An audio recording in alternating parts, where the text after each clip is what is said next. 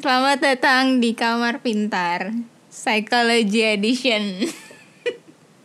Bersama saya Tatang Sulaiman. Saya Apa Susi apa tadi? Puji ya? Eh siapa? Puji Astuti.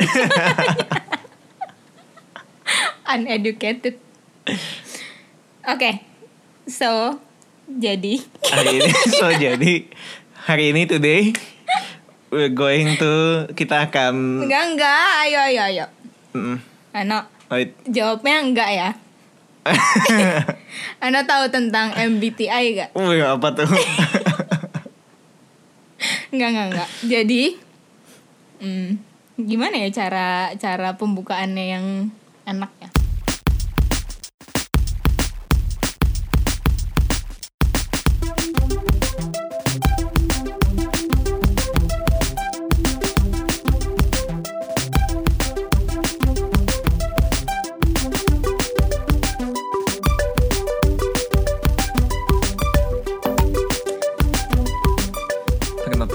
MBTI gak? Eh, enggak dong, Tahu Ya udah ya udah. Ano tahu nggak tapi? Tahu dong Oke. Eh enggak Enggak beneran enggak enggak Eh, ini beneran. Tahu tahu tahu Ano pernah tes gak MBTI? Pernah pernah MBTI-nya Ano apa? ENFJ EN. Oh. Oke. Aku E ENFP. Apa tuh Apa tuh enggak enggak enggak. Jadi biar nggak bingung karena Hah? kita banyak sebut-sebut empat huruf nggak jelas ini. Mm-mm. Jadi Buat yang belum tahu MBTI itu apa Iya. MBTI itu adalah kepanjangannya dulu ya. kepanjangannya itu Myers-Briggs Type Indicator. Eh, eh. Tapi mungkin anak zaman sekarang Oh. lebih kenalnya dengan nama 16 personalities. Hmm. Jadi tapi kalau aku sih dulu aku nggak tahu sih di sekolah no kayak gimana. tapi waktu aku SMA itu kita ada pelajaran BK kan. Heeh. Nah itu tuh kita pernah tes MBTI Mhm. dan yang diintroduce ke aku tuh namanya Myers-Briggs Type Indicator. Jadi yang familiar sama aku tuh MBTI. Mhm. Tapi sebenarnya nama kerennya sekarang tuh 16 Personalities dan Hmm. itu tuh kayak pengembangan dari MBTI gitu lah intinya. Nama populernya lah ya Tapi Ano pernah tes gak? Aku tes casual aja Oh, tapi bukan dari sekolah. Bukan dari sekolah Oh iya iya iya. Oke. Si MBTI ini lumayan berkesan sih buat aku. Waktu Wah, waktu tes di SMA. Soalnya dia, dia datang pas ulang tahun ya. Soalnya dia kayak bisa memahami aku lebih baik daripada diriku sendiri. Oke. Jadi MBTI ini apa? Jadi MBTI ini tuh adalah personality type indicator Mm-mm. dan intinya tuh ini untuk men Mengetahui. mengetahui cara seseorang meresponi kejadian tertentu, cara pandangnya dan cara pengambilan keputusan. Hmm. Jadi intinya kayak gimana cara kita meresponi kehidupan Hmm. dan cara pandang kita terhadap kehidupan gitulah. Hmm. Kayak kita ngambil informasi dan Oh. decision making dan melakukan sesuatu. Iya. Itu tuh ternyata bisa digambarkan dari MBTI ini. Jadi uh, di dalam tes MBTI itu ada empat kategori utama. Hmm. Jadi makanya tadi kita bilang kalau aku tuh ENFP, Ano tuh E ENFJ Iya. ya kan. Nah, empat huruf itu itu merepresentasikan empat kategori. Jadi si huruf-huruf tadi itu tuh dari empat kategori. Yang pertama itu ada introvert. yang per- yang yang pertama itu ada introversion dan extraversion. Nah, ini mungkin yang paling familiar kali ya di di kalangan kita kayak introvert, iya. introvert dan extrovert. Intinya itu. Jadi bisa I, bisa E. Hmm. Nah, karena kita berdua E berarti kita tuh extrovert. Iya. Terus kategori kedua itu di huruf yang kedua itu ada sensing dan intuition. Apa dan intuition? Sensing dan intuition. Sensing berarti dia mengandalkan. Nah, itu nanti kita bakal Oh, oke. bahas satu-satu poinnya. Tapi intinya ada S dan N. Heeh. Nah, intuition yang diambil tuh N-nya. Soalnya I-nya udah kepake di introvert kan. Jadi yang yang diambil N-nya. Jadi kita berdua sama-sama juga kan intuition. Iya. N Heeh. karena kita N. Nah, terus Kita kategori yang ketiga itu ada feeling dan thinking. Jadi yang pakai perasaan dan yang pakai otak. Gitulah. Itu Waduh. itu kayak penjelasan singkat tapi nanti kita bakal jelasin lagi lebih dalam. Nah itu F sama T. Kita apa tadi? Kita F kan sama-sama. Ah, ah. Ya kita sama-sama feeling. Mm-mm. Nah yang terakhir ini yang kita berdua beda itu ada J sama P. Mm. Itu judging dan perceiving. Mm-mm. Atau kalau di 16 personalities itu namanya prospecting. Tapi intinya sama per, per- cuman beda ah, ini tuh sinonim gitu loh. Kalau di Myers Briggs Aha. itu disebutnya perceiving, tapi kalau di 16 personalities disebutnya prospecting. Oke oke. Nah, intinya dari empat kategori ini nanti akhirnya menjadi empat huruf Hmm. yang tadi kita sebutin itu. Nah, si jadi karena ada empat kategori dan masing-masing kombinasi itu adalah empat huruf, jadi di dunia ini itu ada 16 personality. Personality. Sekarang empat kali empat kan, Hmm. empat kategori. Empat kombinasi. Iya. Eh iya empat kali empat kombinasi. Mm-mm, gitu. Jadi makanya muncullah si nama 16 personalities ini Iya. karena itu adalah kombinasi dari 4 4 4 itu. nah, tapi biarpun kombinasi itu jumlahnya ada 16, tapi kan pasti di dunia ini kita gak mungkin cuma ada 16 jenis Tipe manusia orang. di dunia ini kan. Nah, jadi makanya kayaknya ini juga berlaku untuk semua hal yang berkaitan sama psikologi sih. Kayak semua psychological test apa pun kan ada banyak kan sebenarnya bukan cuma MBTI doang. Hmm. Tapi setiap tes ini tuh pasti nggak akan 100% akurat dan nggak akan kayak 100% menggambarkan kita, pasti. Hmm. Nah, jadi kalau kaitannya sama psikologi itu tuh eh apa ya? Bisa digambarkan tuh dengan spektrum.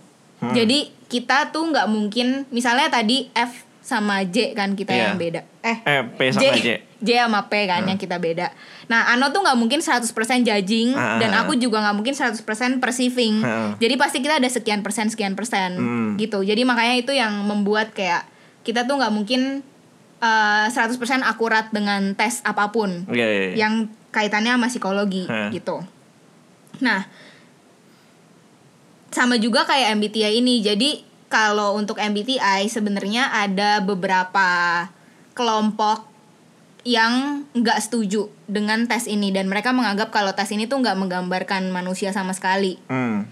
karena salah satunya adalah eh, si MBTI tes ini ini tuh dia mengambil acuan teori psikologi yang namanya itu Big Five Personality Traits. Big Big Five. Big Five. Iya, jadi di teori psikologi itu ada lima kelompok Hmm. atau lima kategori personality traits. Nah, MBTI ini sebenarnya mengambil referensi dari situ. Hmm. Tapi tadi MBTI itu cuma empat kan kategorinya. Hmm. Sedangkan di Big Five ada lima. Iya. Nah ini aku sebutin ya. Kalau di Big Five uh, personality traits itu yang pertama kategorinya adalah kaitannya dengan keterbukaan kita terhadap pengalaman baru. Jadi Hmm. apakah kita orangnya penasaran atau yang Go with the Uh, flow. nggak yang antara penasaran yang kayak mau coba hal baru atau yang cautious yang kayak Oh, hati-hati waspada banget. waspada iya kayak kayak nggak nggak gampang untuk untuk Mencoba hal baru. iya untuk explore nggak gitu berani ambil resiko gitu. iya itu yang pertama yang kedua itu conscientiousness Hmm. itu kaitannya dengan cara kita mengorganize sesuatu. Jadi apakah kita orangnya rapi banget, semuanya serba terstruktur atau yang careless, yang kayak go with the flow, terus kayak santai. Hmm. Terus yang ketiga ini sama extrovert introvert. Terus yang keempat itu agreeableness itu kaitannya dengan kita berelasi sama orang. Jadi apakah kita friendly atau challenging? Jadi kalau friendly kan pasti yang kayak terbuka banget sama Ah. teman-teman baru, tapi kalau challenging itu tuh lebih kayak cuek dan lebih tertutup gitu. Oke. Nah, poin terakhir yang nggak di cover sama MBTI adalah kaitannya dengan kepercayaan diri, Hmm. yaitu neurotism, neuroticism. Neuroticism. Ya, Hmm. itu kaitannya dengan kepercayaan diri. Jadi kita tuh confident atau nerv- nervous orangnya Ah. gitu. Nah itu yang nggak ke cover. Jadi makanya kayak banyak yang uh, menolak MBTI dan merasa ini tuh nggak akurat gitu Hmm. karena dia nggak merepresentasikan lima big five personality traits itu. Oke oke. Dan uh, biarpun MBTI ini adalah tes tentang psikologi Kepribadian. ya atau kepribadian manusia, tapi ini tuh bukan real science. Oh gitu. Iya, jadi MBTI itu Ah. bukan real science dan sebutannya adalah pseudoscience. Mungkin ada yang Oh, pernah dengar kayak- kayak, jadi dia Ah. tuh eh, lebih dominan dalam hal kepercayaan, terus cenderung bias karena dia nggak menggunakan scientific method, biarpun Hmm. based on facts. Jadi biarpun kayak kesannya eh, dominan orang kayak misalnya ada ada angka yang yang mendasari itu, kayak ada Hmm. fakta yang mendasari itu, tapi kebanyakan pseudoscience itu tuh lebih ke arah eh, bias dan lebih kayak hmm, hmm, ya gitulah kayak lebih bias dan lebih lebih emosional gitu Oh. based on based on perasaan pembuat teorinya Hmm. gitulah kayak based on perasaan Yeah, gitu oke. kayak karena lebih bias sedangkan Oke, kalau science kan sebenarnya nggak boleh kayak gitu kan Hmm. jadi MBTI itu makanya disebutnya pseudo science Hmm. karena dia bukan real science gitu jadi itu disclaimer dulu karena ternyata banyak kontroversinya jadi kayak Hmm. banyak yang benar-benar against sama MBTI yeah. gitu gitu oke sekarang kita masuk ke sejarahnya jadi dari mana sih MBTI itu dan Myers Briggs tuh apaan Hmm. kayak dia kan Myers Briggs type indicator Hmm. jadi MBTI ini pertama kali Ciptakan. diciptakan oleh dua orang Amerika mama dan anak Iya. ibu dan anak Hmm. pipa kau Apa? Apa? Pipa kau itu obat obat batuk ibu, dan, anak, Oh iya. bahasa ininya tuh pipa kau oke skip. Jadi si ibu dan anak ini namanya Catherine Cook Briggs Hmm. dan anaknya Isabel Briggs. Meyers. Mayer nama bapaknya. ya jadi Briggs dan Meyers Mereka produktif sekali ya ibu dan anak iya iya keren banget keren banget dan ini Kayak aku ini dan ibuku cuman ngomongin tetangga. Nah ini ini menarik sih pas dia pas aku baca kayak sejarahnya kenapa mereka bisa itu tuh lucu. Nah terus mereka tuh membuat uh, type indicator ini berdasarkan teori klasifikasi dari Carl Jung. Jung. Oh. Jung. Nah dia tuh um, jadi kalau yang masih inget empat kategori yang aku sebutin tadi, Mm-mm. Carl Jung ini mengcover bagian sensing, intuition, feeling, dan thinking. Kalau Jang ini siapa? Eh, ini ini ini apa namanya scientist oh, scientist dari yang dulu gitu Oh. Iya iya iya. ya pokoknya dia tuh me- mengacu Kepada teorinya kepada si teorinya Carl Carl Jung. Jung. dan si Carl Jung ini tuh bilang kalau manusia pasti akan mengambil akan dominan salah satu dari sensing, intuition, feeling atau thinking. Hmm. Jadi dari empat itu pasti ada salah satu yang dominan. Hmm. Terus sama extrovert introvert juga dari Carl Jung. Hmm, hmm, hmm. Nah akhirnya si mama dan anak ini mengkombinasiin semua Ini itu tadi siapa? apa? Apa? Myers Briggs. Bukan bukan apa bahasa ininya Pipa. pipa. Iya, pipa kau ini. That apa namanya? Iya. Jadi nah akhirnya si pipa kau. ah ya benar. Jadinya dua orang ini kemudian mengembangkan jadi empat kategori tadi kan. Jadi ada ENFP, ada ENFJ gitu. Nah, riset ini anak Richard ini Nah. menghasilkan. Nah, riset ini di pertama kali dikembangkan di tahun 1917 ketika anaknya tuh mau nikah. Mm-mm. Jadi si Isabel ini mau nikah, terus mamanya ngeliat calon mantunya ini nih ada perbedaan cara pandang sama dia. sama dia dan sama anggota keluarganya dan respon terhadap masalah gitu-gitu juga terlihat berbeda. Jadi dia nyadar kalau oh iya ya manusia eh, beda-beda ya cara berpikirnya gitu. Karena ini kan tahun 1917 kan. Jadi oh, udah lama banget. iya, jadi pasti kayak pengetahuan tentang personality juga pasti Eh, masih dikit banget. 1917. Mm-mm. Aku pikir kayak 1900 setelah perang dunia berakhir gitu kayak mas udah modern. Oh, hmm, hmm, hmm. Nah ini masih 1917 Jadi ini Oke, tuh oke. yang memancing mamanya mulai develop MBTI Karena dia ngerasa kayak mantunya ini cara pandangnya beda gitu Hmm, tapi ditolak gak? Apa tetap? Enggak enggak ini kan Oh. independent research Oh maksudnya Enggak tahu aku Nah terus akhirnya setelah di develop sekian lama Akhirnya dia membuat satu buku namanya The Briggs Myers Type Indicator Handbook tahun 1944. Hmm. Jadi namanya masih Briggs Myers. Hmm. Nah, akhirnya di tahun 1956 diubah jadi Myers Briggs Type Indicator atau MBTI yang kita kenal sekarang. Uh, karena Hmm, iya kenapa di, di, di perkembangan aja lah. oke. Gitu. pipa kau, pipa kau. Nah, terus uh, di tahun 1962 akhirnya dipublish MBTI Manual pertama, edisi pertama. Terus kemudian di 85, di 98 Jadi itu buku yang kemarin itu belum diterbitin. Yang mana? Yang tahun 1944 itu. Eh, 1944 itu namanya masih The Briggs Myers Type Indicator Handbook.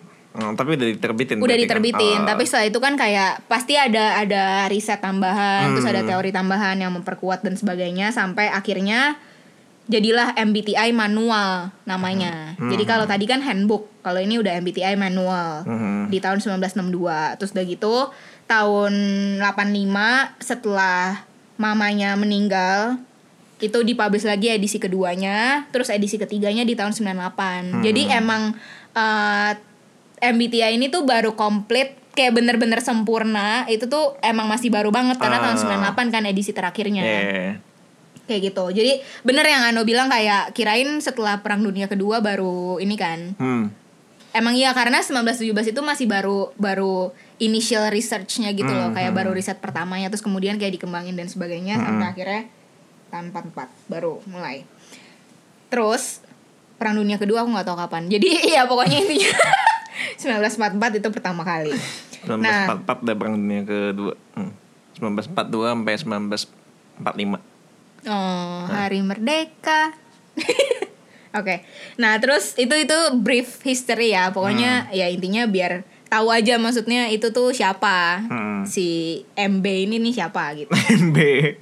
si pipa kawin. Pipa kau.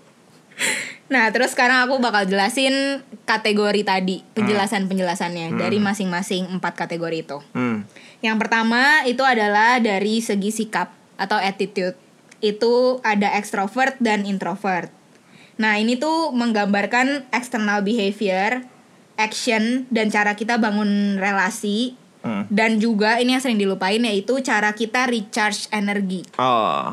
Oh, oke. Jadi eh, kita tuh kalau kita lagi capek, Mhm. cara kita untuk bangkit lagi itu dengan cara yang seperti apa Hmm. itu yang yang nentuin kita itu extrovert atau introvert Hmm. jadi stigmanya kan kayak oh dia bawel pasti dia extrovert, Extrovert. atau oh dia tuh pendiam banget pasti dia introvert Hmm. tapi sebenarnya nggak gitu juga jadi kalau misalnya biarpun dia tuh pendiam tapi cara dia recharge energinya adalah dengan kumpul sama temen Hmm. berarti dia adalah orang yang extrovert gitu gitu deh dan ini juga nggak terkait dengan confidence Hmm, karena jadi- tadi sebenarnya bawel dan pendiam tuh nggak ada hubungannya sama introvert extrovert ya. Iya. Kalau dia jarang ngomong tapi Iya. tapi misalnya dia suka berkumpul tapi dia nggak dia cuma suka ngobrol doang nih tapi akhirnya dia uh, di dalam perkumpulan itu dia diam aja dia diam aja gitu maksudnya bukan bukan yang sering ngobrol gitu sebenarnya dia extrovert juga kan. iya Hmm. jadi karena ada poin itu recharge energinya nah kalau masalah dia suka ngomong atau enggak itu ada di kategori lain nanti itu Hmm. nanti itu ada di kategori lain gitu nah dan dan ini juga nggak terkait nggak terkait dengan confidence Hmm. jadi kalau si tadi extrovert dan introvert ini. Iya, kayak di Big Five Personality Traits yang gak di cover dengan uh, sama MBTI. MBTI itu kan adalah faktor kepercayaan diri. Hmm. Jadi orang yang ekstrovert itu bukan berarti lebih pede Hmm. atau orang yang introvert tuh berarti malu itu tuh enggak gitu. Nah itu tuh stigma-stigma yang Hmm. kayak sering banget kita dengar kan. Tapi sebenarnya tuh bukan itu. Hmm. Jadi orang yang ekstrovert itu adalah orang yang lebih aktif, lebih reaktif, Hmm. Terus dia tuh nggak bisa diem memang, Hmm. karena dia tuh adalah orang yang bertindak dulu, baru berpikir, Ah. abis itu bertindak lagi, gitu. Nah terus yang paling penting adalah ini dia tuh mendapatkan energi dari aktivitas Hmm. dan dengan berelasi sama orang. Hmm. Jadi kalau dia lagi capek, dia tuh maunya ketemu sama temen atau mau maunya tuh kumpul-kumpul atau mau party kayak gitu. Waduh. Nah sedangkan kalau yang introvert itu dia kalau disuruh kumpul sama orang malah itu akan menghabiskan energi dia. Jadi dia tuh recharge energinya dengan cara sendiri, Mhm. me time.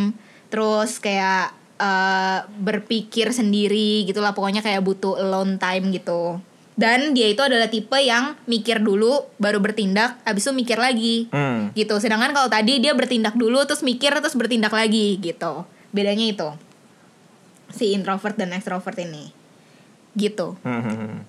Camkan itu ya. Nah, terus yang Tipe kau. kedua, yang kedua itu adalah dari segi function. Nah, ini yang mengambil dari Carl Jung. Jung. Itu ada sensing dan Intuitif. intuition. Oh, intuition. Itu berkaitan dengan cara kita mengumpulkan informasi, melihat dunia dan memproses informasinya. Hmm.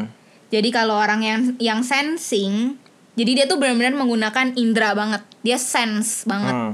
Jadi dia tuh lebih faktual. Terus dia tuh orang yang nggak akan percaya kalau belum lihat dulu. Ah. Jadi kalau misalnya nanti deh, nanti deh contohnya nanti.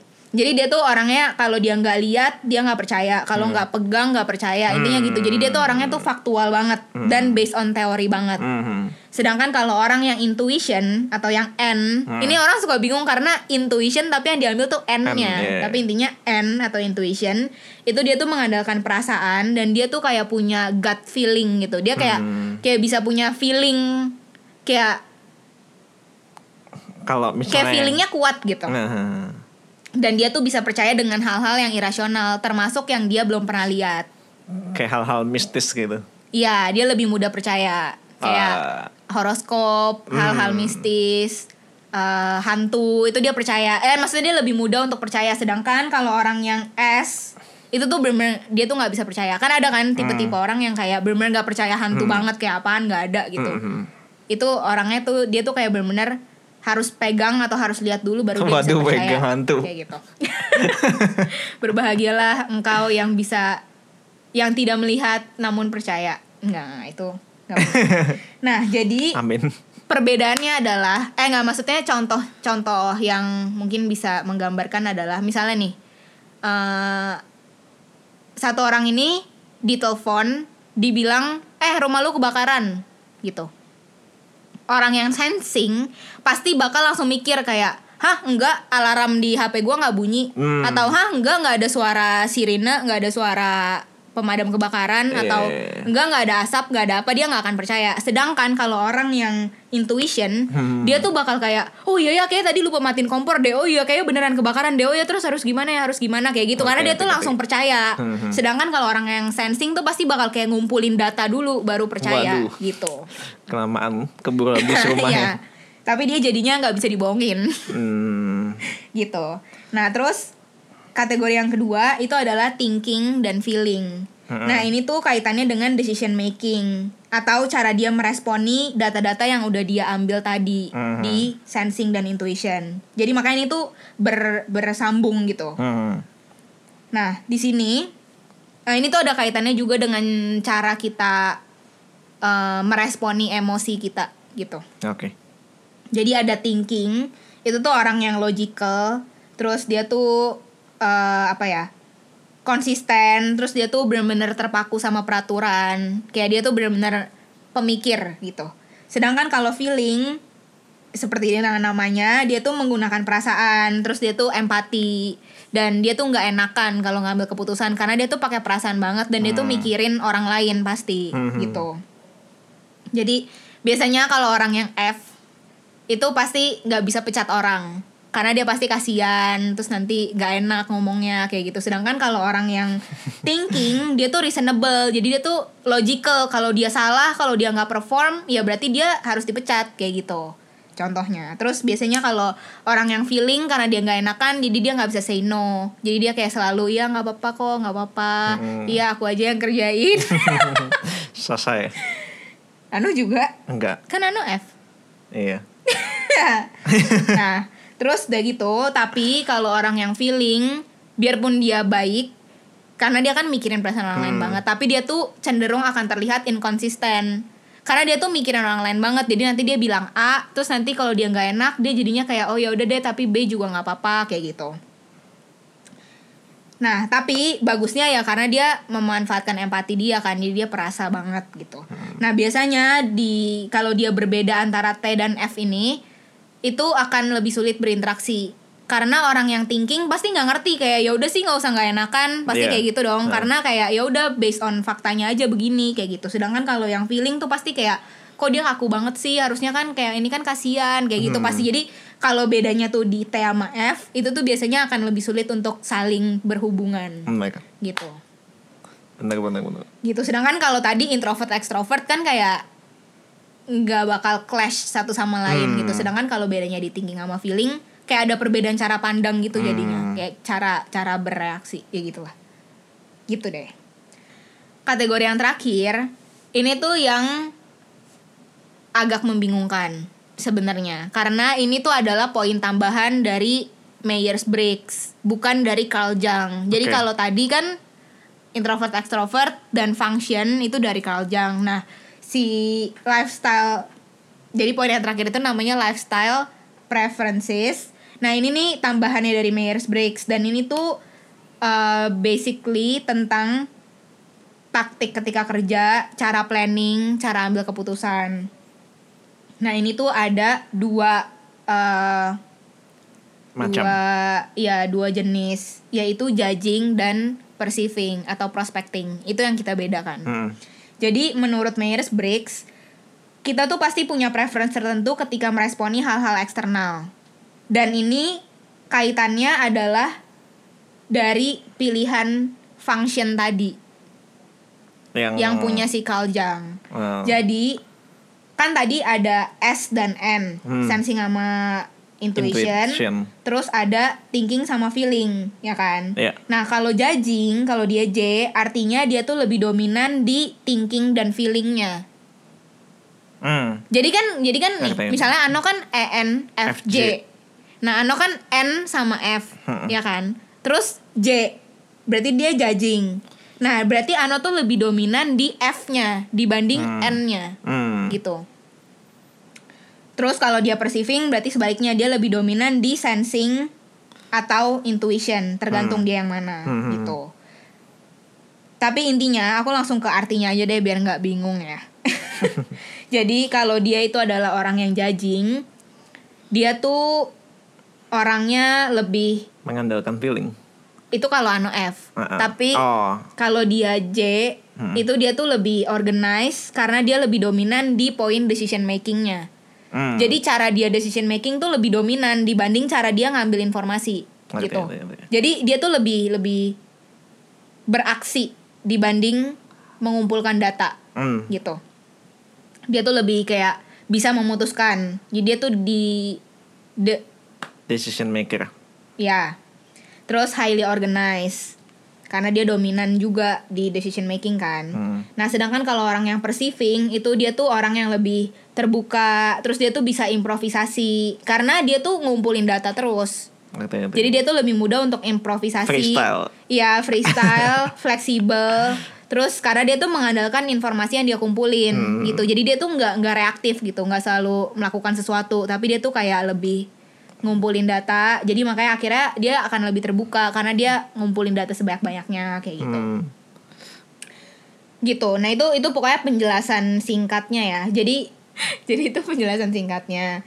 Nah pas aku jelasin tadi pasti banyak yang kayak langsung mikir kayak eh kayaknya ini gue banget deh. Oh, iya, Iya kan? Kayak eh iya deh ini kayak gue nih eh ini kayaknya kayaknya ini pacar gue nih kayak gitu kan jadi kayak kayak kita pasti bakal nebak-nebak oh bener deh kayaknya ini dia deh kayak gitu kan nah Mhm. tapi sebenarnya eh, aku nyaranin untuk jangan ambil keputusan Sendiri. dari perasaan sendiri Self self claim. ya jadi saran aku sih coba ikutin tesnya Hmm. yang legit ya. Iya. Apa yang di 16 personalities juga nggak apa-apa. Justru 16 personalities itu tesnya untuk untuk Eh yang sasa itu yang saya sambil itu bukan dari oh itu dari 16 personalities juga. eh, mereka sama kok penjelasannya. Oh oke. Jadi eh, Berarti punya aku legit juga. legit ya. Jadi kalian bisa tes di 16personalities.com. Hmm, Tapi 16 ya. Jadi 16personalities.com. Oh, Kalau kalian angka. Kalau kalian search 16 personalities juga pasti langsung muncul website Hmm. itu paling atas sih. Jadi pokoknya itu adalah salah satu yang eh apa ya? Yang akurat Hmm, hmm, hmm. kalau untuk ngambil tes MBTI. Hmm. Oh ada yang lain berarti maksudnya. Ada banyak yang Oh, lain. Ada oke, yang modelnya printed juga kayak bisa download PDF-nya, Hmm. terus nanti kita mengartikan sen- sendiri, terus pertanyaannya juga beda-beda. Hmm. Nah, nanti kita juga bakal bisa sih bahas eh, kita lihat nanti pertanyaannya kayak gimana. Nanti Tapi- kita lihat Iya. pertanyaan ini. Nah, jadi kalau di 16 personalities itu dia tuh mengelompokkan kan. Jadi kan eh, dari keempat huruf ini nantinya kan kita akan ngebentuk sebuah personality kan yang menggambarkan diri kita kayak ENFP, NFJ kayak gitu kan. Nah, dari 16 personalities dia tuh mengelompokkan lagi orang-orang itu jadi empat kategori lagi.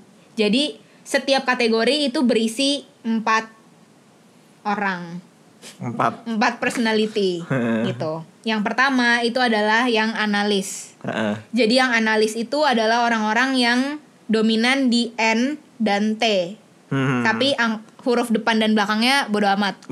Pokoknya intinya kalau dia dominannya di N dan T, Heeh. Itu dia tuh adalah orang yang analis, yaitu orang-orang yang rasional, intelektual, dan biasanya profesinya itu adalah scientist atau eh, teknologi banget gitu. Yang Tech kayak savvy, tech savvy. tech savvy. Pokoknya dia tuh intinya yang rasional banget. Jadi kalau apa eh, kan biasanya di perusahaan kalau persyaratan apa Hmm. rekru- rekru- Rekrutmen. rekrutmen kan ada tech savvy ini. Oh iya saya Iya. ENFJ, saya ini. NFJ teknologi. mah bukan. Oh bukan. Oh, NT. oh N nama T. Ya, jadi kalau analis itu adalah yang punya N dan T, Hmm. intinya gitu. Saya NT NTJ nih gitu. Berarti saya Iya. udah pasti tech savvy gitu. Heeh, bener. Nah, terus kategori yang kedua itu adalah diplomats. Nah, ini adalah orang-orang yang N dan F. Hmm. Jadi pokoknya huruf depan sama huruf belakangnya bodo amat, intinya tengahnya nih yang dia kelompokin. N- NF kan? Iya, kita berdua itu diplomats. Nah, orang-orang yang diplomats itu adalah orang yang suka dengan harmoni, suka socializing, dan modelnya tuh counseling. Biasanya tipe eh, profesinya itu tuh orang-orang yang kayak suka untuk counseling orang, Hmm. untuk berinteraksi. Pokoknya yang kayak vokal tapi untuk sesuatu yang tujuannya tuh harmoni gitu. Oh oke. Ini Gitu. eh, mediator. Mediator ya benar. Nah terus kelompok yang ketiga itu sentinels itu adalah yang S dan T. Mm-mm. Depan belakangnya bodo sorry amat. sorry sorry S Oh, dan bukan. J. Jadi yang diabaikan tuh yang tengah. Intinya Oh oke. dia tuh S dan J itu adalah sentinels dan ini adalah orang-orang yang praktikal tertata secara administratif. Hmm. Jadi biasanya kalau adminnya rapi banget, kalau nyatet semuanya rapi, Hmm. organized, terstruktur, peraturannya rigid banget. Nah, itu tuh adalah orang-orang yang S dan J. Hmm, hmm, hmm. Dan yang terakhir itu adalah yang S dan P Hmm. itu explorers. Jadi dia spontaneous, terus dia jago dalam hal-hal teknik Oh, karena dia oh, tuh ngerti. explore orangnya. Ngerti, dia kayak ngerti. suka explore. Terus alat-alat dia jago juga. Kayak dia tuh kayak bisa semuanya tapi nggak dalam gitu. Ah, oh, kayak tipe-tipe orang yang kayak apa pun diambil sama dia, dipelajarin, semuanya serba bisa, tapi bukan yang kayak bener-bener mendalami satu hal tertentu. Hmm, hmm. Karena kalau dia bener-bener mendalami satu hal banget, itu tuh dia masuknya ke analis. Karena dia rasional, Hmm. Yang berarti dia N dan F. Eh, N dan T oh N dan T. gitu. Ngasal aja nih. Nah, terus kalau di 16personalities.com bedanya bukan bedanya sih. Dia dia nambahin lagi huruf di belakangnya. Hmm. Yaitu A sama T. Hmm, hmm, hmm. Jadi kalau di MBTI itu cuma 4 kayak Hmm. tadi ENFP gitu. Nah, sedangkan kalau di 16 personalities kalau nanti kalian tes itu nanti result yang muncul tuh pasti misalnya ya ENFP strip A atau strip T, T. gitu. Jadi dia ada A sama T penambahannya. Hmm. Itu adalah asertif dan turbulent. Apa tuh? Kalau asertif itu adalah dia tuh orangnya lebih calm. Jadi oh, maksudnya dia tuh asertif nggak tuh kayak eh tet, tet, ter, ter, tetang, terpendam gitu. Ter- Jadi maksudnya dia tuh kayak bisa kontrol diri. stabil gitu. Iya. Nah. Jadi dia tuh biarpun dia misalnya gimana ya? Eh, ini tuh sebenarnya cara gampangnya buat buat ngerti ini ini tuh kayak hardcore atau enggak gitu loh. Jadi kalau Oh, dia tuh bener-bener ENFP hardcore, berarti dia tuh turbulent karena dia tuh kayak eager to improve, terus dia tuh perfectionist, terus dia tuh selalu push themselves to be better gitu. Jadi dia tuh kayak bener-bener hardcore ENFP gitu misalkan. Ngerti, ngerti, ngerti. Tapi kalau dia ENFP tapi kayak santai juga, nah dia tuh assertive. Eh, Dia tuh assertive. Jadi dia tuh lebih calm, lebih self assured kayak gitu. ah kalau turbulence tuh lebih radikal. Ya, itu yang hardcore. Oh, oke oke oke. gitu gitu deh itu itu tambahan dari si 16 personalities Heeh. jadi nah jadi gitu jadi eh, pokoknya di 16 personalities itu nanti hasilnya tuh bakalan jadinya ada lima huruf tapi itu nggak mempengaruhi empat kategori tadi yang analis diplomat sentinels explorers gitu intinya itu cuman kayak kita tuh hardcore di personality kita atau kita tuh santai aja gitu intinya cuman itu doang sih bedanya Nah, dari statistik, jadi Waduh. kan dunia ini dibagi menjadi 16 personality berarti kan berdasarkan Tujuh- MBTI. 7 miliar bagi 16. Iya. Nah, kalau kita bagi rata kayak gitu, sebenarnya rata-rata harusnya ada 6 sekian persen tiap Tiap ah, 6 tiap personality Oh, oke oke. buat jadiin 100% kan. Tapi kan dunia ini nggak mungkin terbagi rata 16 semua kan. nah, jadi ada fun facts kalau eh, eh, type yang paling jarang itu adalah INFJ.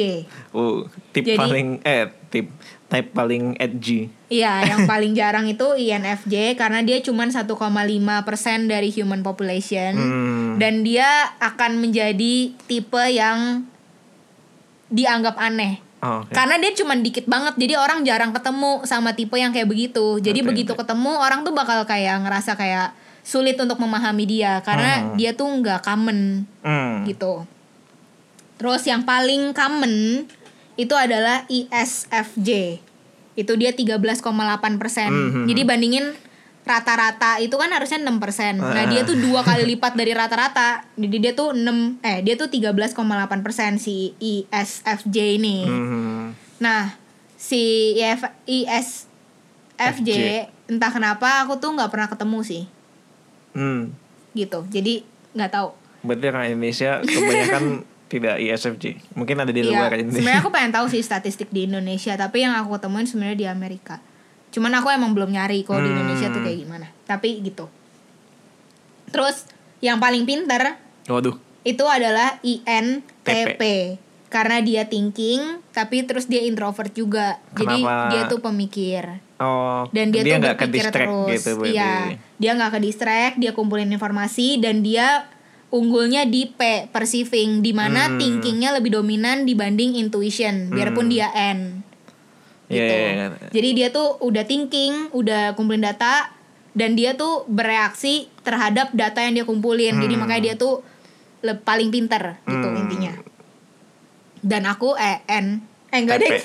Eh, eh, eh, Enggak, aku- FP kan. Iya, aku NFP enggak enggak. Tadi aku mikirnya Ngaku-ngaku itu iya, tadi mau ngaku-ngaku enggak, enggak.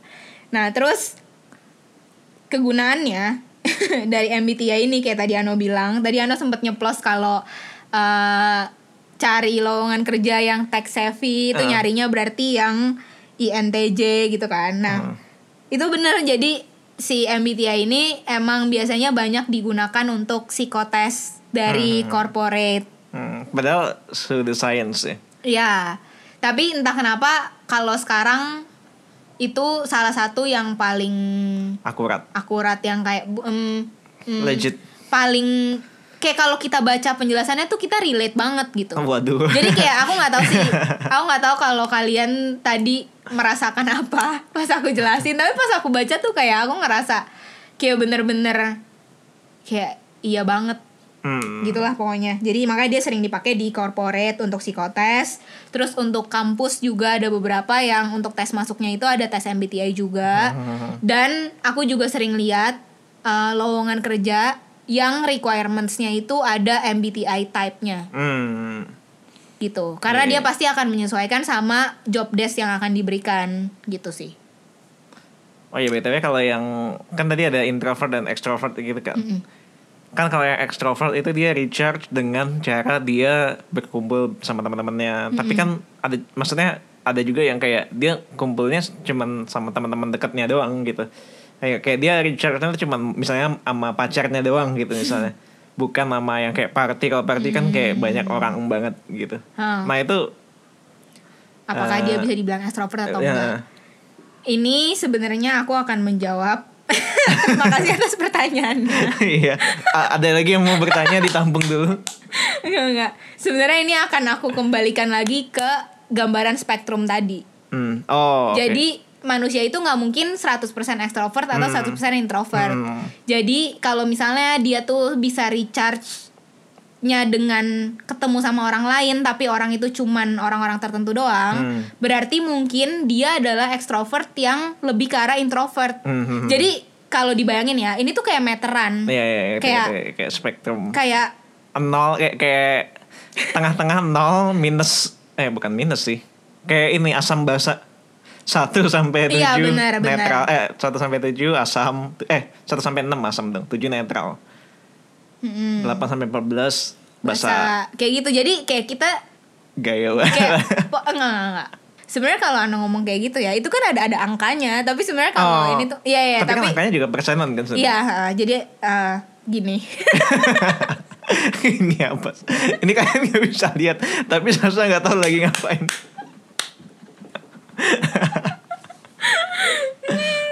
Pokoknya ya jadi kita tuh gak mungkin jadi gini.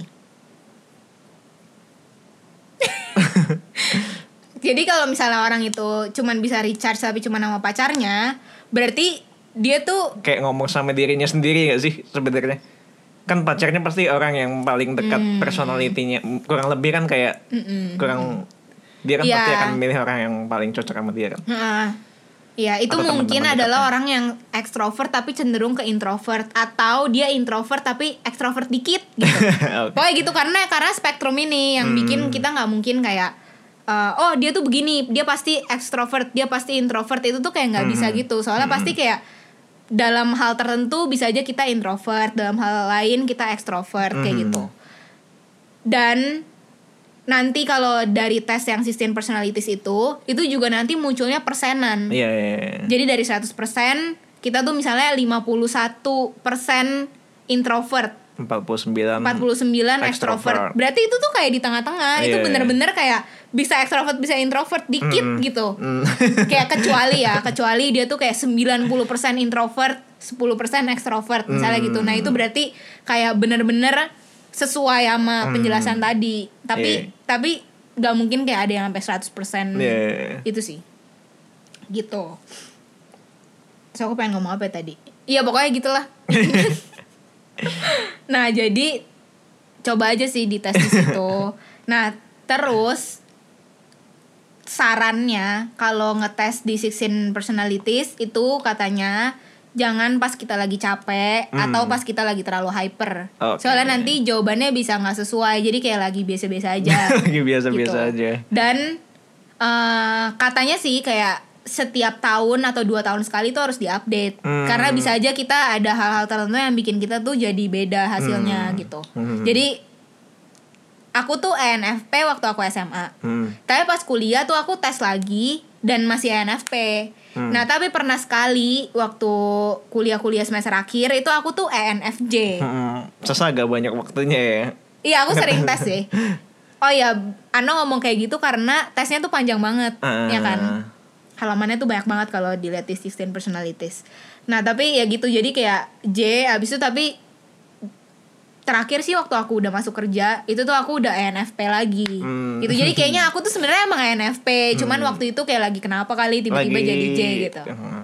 lagi mengandalkan apa feeling eh Hmm, ya, eh, Heeh. intuitif eh feeling kan feeling kan Iya, heeh. lagi mengandalkan feeling dibanding intuition ya gitulah, lagi reaktif.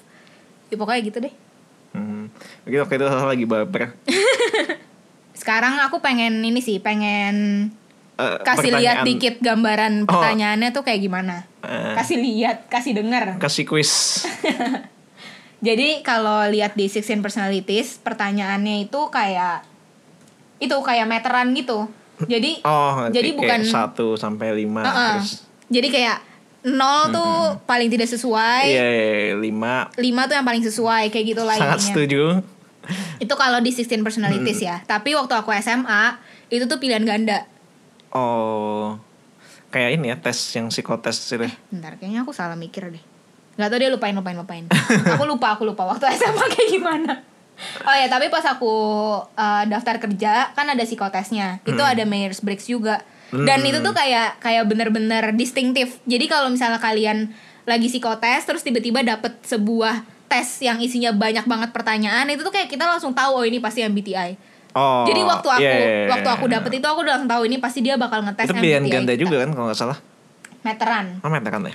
Jadi contoh pertanyaannya itu kalau di 16 personalities ya. Pertanyaan pertama, you enjoy vibrant social events with lots of people. Mhm. Terus kita nanti bakal milih kita tuh agree 100% atau kita disagree. Hmm. Nah, nanti tuh eh, dia tuh kayak ada 1 2 3 4 ada 7 pilihan, 7 range gitu. Jadi Hmm. kita tuh adanya di range yang mana ada di antara 7 itu. Paling kiri itu agree, paling kanan tuh disagree. Pokoknya gitulah.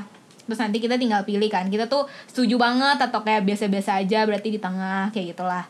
Nah, makanya ini tuh based on feeling, Feeling. kita banget. Karena Ah. ini nggak ada exact gitu loh. Kayak kita tuh kita setuju, tapi kita setuju apa? Iya, kayak iya. kita bener-bener setuju banget atau kayak setuju banget tapi enggak juga nggak apa-apa gitu. Jadi kayak ini feeling banget. Jadi Eh, makanya nggak boleh capek. Aku dan Sasa bisa beda. Eh bukan Iya. netral sih kayak setuju biasa aja. Heeh. Aku dan Sasa bisa beda. gitu. Iya, karena kita benar-benar menilai diri kita sendiri kita sesetuju apa gitu. Hmm. Jadi makanya disaranin buat nggak lagi capek dan nggak lagi hyper. Soalnya Hmm. kalau kita lagi hyper, kita pasti bakal mengambilnya tuh yang pojok-pojok terus kayak totally disagree atau totally agree gitu. Tapi kalau kita lagi capek, itu bisa aja kita ngambilnya yang tengah-tengah terus kayak Nih. gitu loh. Jadi makanya kita tuh harusnya lagi yang netral-netral gitu. Itu nih jadi si MBTI ini isinya tuh statement gitu. Hmm. Jadi statement kayak you often bla bla bla atau you tend to bla bla bla. Nah, nanti kita tuh tinggal milih doang agree atau disagree gitu. Nah, nanti dia bakal muncul uh, resultnya sekaligus angka eh huruf di belakangnya itu yang A Hmm. dan T itu. Hmm. Dan si 16 personalities ini menariknya adalah dia tuh ngejelasinnya bener-bener semuanya. Hmm. Jadi kalau tadi yang aku jelasin itu tuh cuman keyword utamanya doang dan ini udah sepanjang ini penjelasannya. Tapi di 16 personalities tuh dia tuh sampai dalam banget. Jadi yang dia jelasin itu mencakup strength and weakness, romantic relationship. Jadi kalau kita pacaran tuh kita kayak gimana orangnya, friendship sama temen itu kayak gimana, parenthood kalau kita Hmm. jadi orang tua kita bakal Jadi treat- orang tua yang seperti apa? Iya kita treat anak kita kayak gimana Kayak ini tuh lengkap banget gila Terus career paths Itu kayak kaitannya sama profesi Keren Terus banget guys. habits Ketika kita kerja Oke. Workplace habits Nah terus dia juga ada versi premiumnya. Ini ini kayak kayak sponsored by Six and Personalities. Nggak, nggak. Jadi dia ada Kalau kita mau beli yang premium tuh Penjelasannya lebih panjang lagi. Jadi bayangin kayak yang tadi aku sebutin aja tuh udah banyak banget kan. Dan pas dibaca tuh kayak bener-bener kayak oh my god Ini bener banget. Gitu.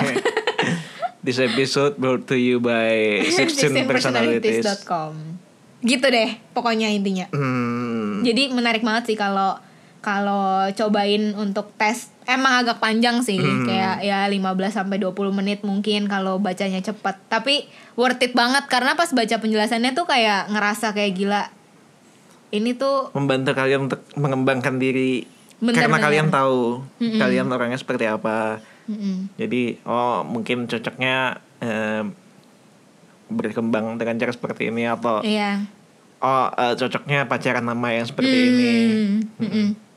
Iya, ada orang-orang tertentu yang kalau uh, PDKT itu ngecekin Lihatnya ini MBTI ngecekin MBTI bener loh temen Ah. aku ada yang kayak bukan horoskop lagi. Iya, karena kalau horoskop juga kan kayak beneran ini banget kan. Bahkan kalau horoskop kan kaitannya dengan kepercayaan, tapi kalau MBTI kan emang Hmm. Lebih ada tesnya gitu, iya. ada tesnya Ma- eh, scientific tapi pseudoscience. ya pokoknya gitu.